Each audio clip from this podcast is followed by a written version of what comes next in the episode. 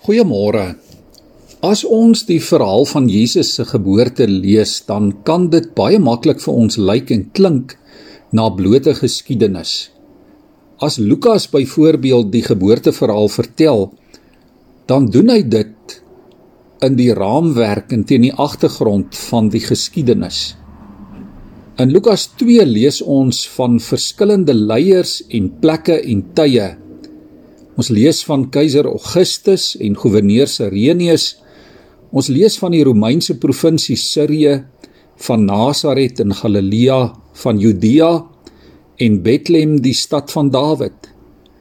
Dit kan baie maklik lyk en klink asof Lukas met hierdie vertelling fokus op die aarde en op aardse regerders en die alledaagse verloop van sake.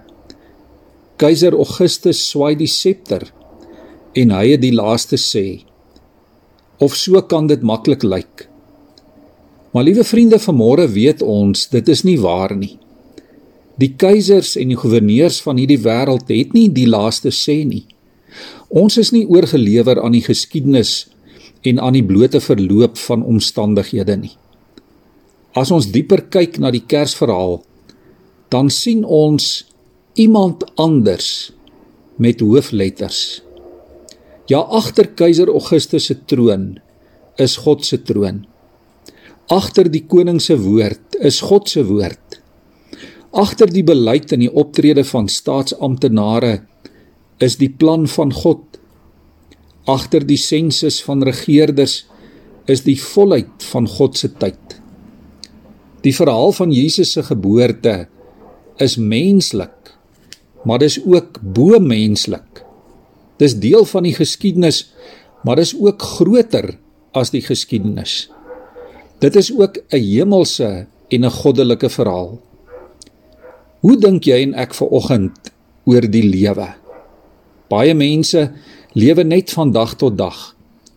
Ander mense lewe net asof alles afhang van die geskiedenis en van dit wat op 'n horisontale vlak in hierdie wêreld gebeur. Maar as ons so leef, dan stel die aankondigings en die besluite van wêreldleiers ons dikwels te leer. En dan word ons meermale ontnigter deur wêreldgebeure. Dan is ons vasgeketting deur die geskiedenis. Maar vanmôre weet jy en ek dat Jesus Christus het die geskiedenis onherroepelik kom verander. Jesus het kom bevestig dat God 'n plan het 'n plan wat alles wat jy oor die 7 uur nuusbulletin dalk hoor en alles wat jy in koerante lees kom oorspan. Ja Kersfees sê God het 'n plan en God se plan gaan vandag voort in jou lewe. Ek lees vir ons Lukas 2 vanaf vers 1. In daardie tyd het keiser Augustus 'n bevel uitgevaardig dat 'n volkstelling in die hele ryk gehou moet word. Hierdie eerste volkstelling het plaasgevind toe Serenius goewerneur was in die provinsie Sirië. Almal het gegaan om hulle te laat inskryf, elkeen na sy eie stad toe. Ook Josef het gegaan. Hy het van die dorp Nasaret in Galilea na Judea toe gegaan, na Bethlehem, die stad van Dawid omdat hy tot die huis in die geslag van Dawid behoort het. Maria, sy verloofde wat swanger was, het saamgegaan om ingeskryf te word.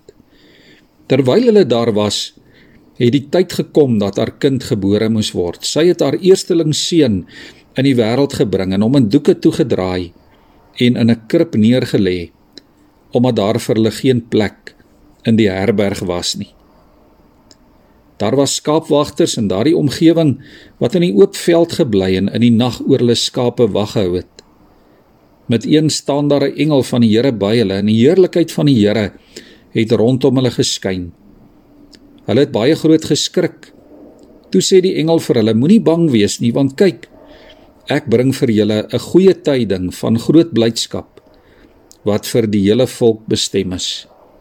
Vandag is daar vir julle in die stad van Dawid die verlosser gebore Christus die Here.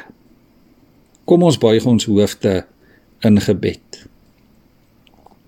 Here, dankie dat ons vandag kan weet U is groter as die tyd en groter as die geskiedenis. Dankie Here dat U plan 'n ewigheidsplan is. 'n Plan wat oneindig meer inhou as die besluite en die beslissings van mense. Dankie Here dat ons U hand in en agter ons geskiedenis in hierdie wêreld en in ons persoonlike lewens kan raak sien. Here leer ons vandag. Leer ons elke dag. Leer ons in hierdie tyd om verder te kyk as die planne van mense. Amen.